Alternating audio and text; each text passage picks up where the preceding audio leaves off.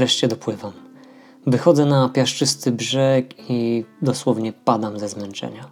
Nie wiem, ile czasu spędziłem w tej dziwnej rzece, jednak czuję, że wystarczająco dużo, bo ciało domaga się choćby chwili odpoczynku.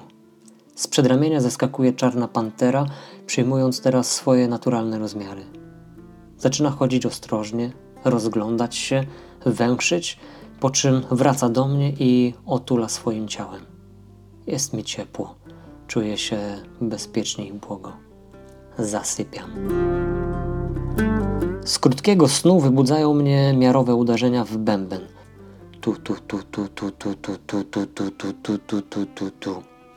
Z niemałym wysiłkiem rozchylam ciężkie powieki i pierwsze co dostrzegam to siedzącą naprzeciw mnie postać człowieka o kruczoczarnych, rozpuszczonych włosach opadających aż za ramiona. Ma duże, ciemne oczy o głębokim i przenikliwym spojrzeniu. Wysokie czoło, duży orli nos i znamiona czasu tu i ówdzie przeplatające włók na jego twarzy. W jego włosach dostrzegam wplecione trzy pióra, z czego jedno wybija się na pierwszy plan. Jest niemal białe, jak chmury cumulus, jednak z czarną końcówką. Gdy tak się skupiam na tym piórze, nie zauważam jak i kiedy nasze twarze zbliżają się do siebie na odległość niespełna kilku centymetrów. Już nie widzę pióra. Teraz oglądam w twarzy nieznajomego, niczym w kalejdoskopie, niesamowitą sekwencję wyświetlanych po sobie rozmaitych twarzy.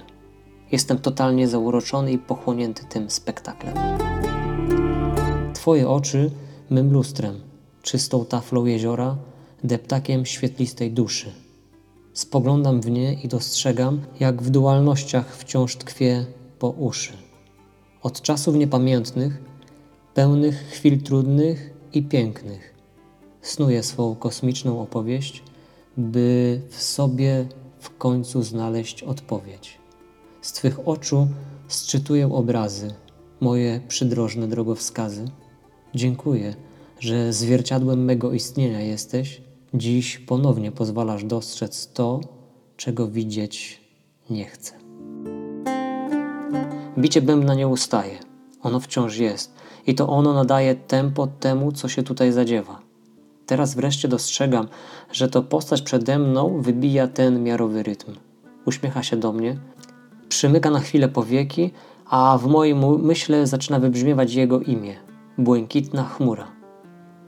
W ślad za tym pojawia się wiadomość, że twarze, które miałem okazję przez chwilę oglądać, to niezliczona ilość wcieleń, jakie były moim doświadczeniem. Mignęły przed oczami jak drobiny kurzu, podniesione pod muchem przelotnego wiatru. Składam się z milionów doświadczeń niesionych przez te drobiny. Płótno mego losu utkane jest wibracją emocji różnych i skrajnych, tych radosnych i tych trudnych, wzniosłych i bardzo przyziemnych. A gdyby tak zdjąć odzienie z owego płótna szyte, a gdyby tak pozostać nagim i niczym z siukadewa zasiąść między mędrcami. Spisuję te myśli i wizje na bieżąco. Błękitna chmura obserwuje mnie i co jakiś czas tylko uśmiecha się bardziej. Ciekawi go mój tok rozumowania i budowania refleksji. Mimiką twarzy prowadzi mnie, subtelnie sugeruje, czy porzucić dany wątek, czy jednak go rozwijać dalej.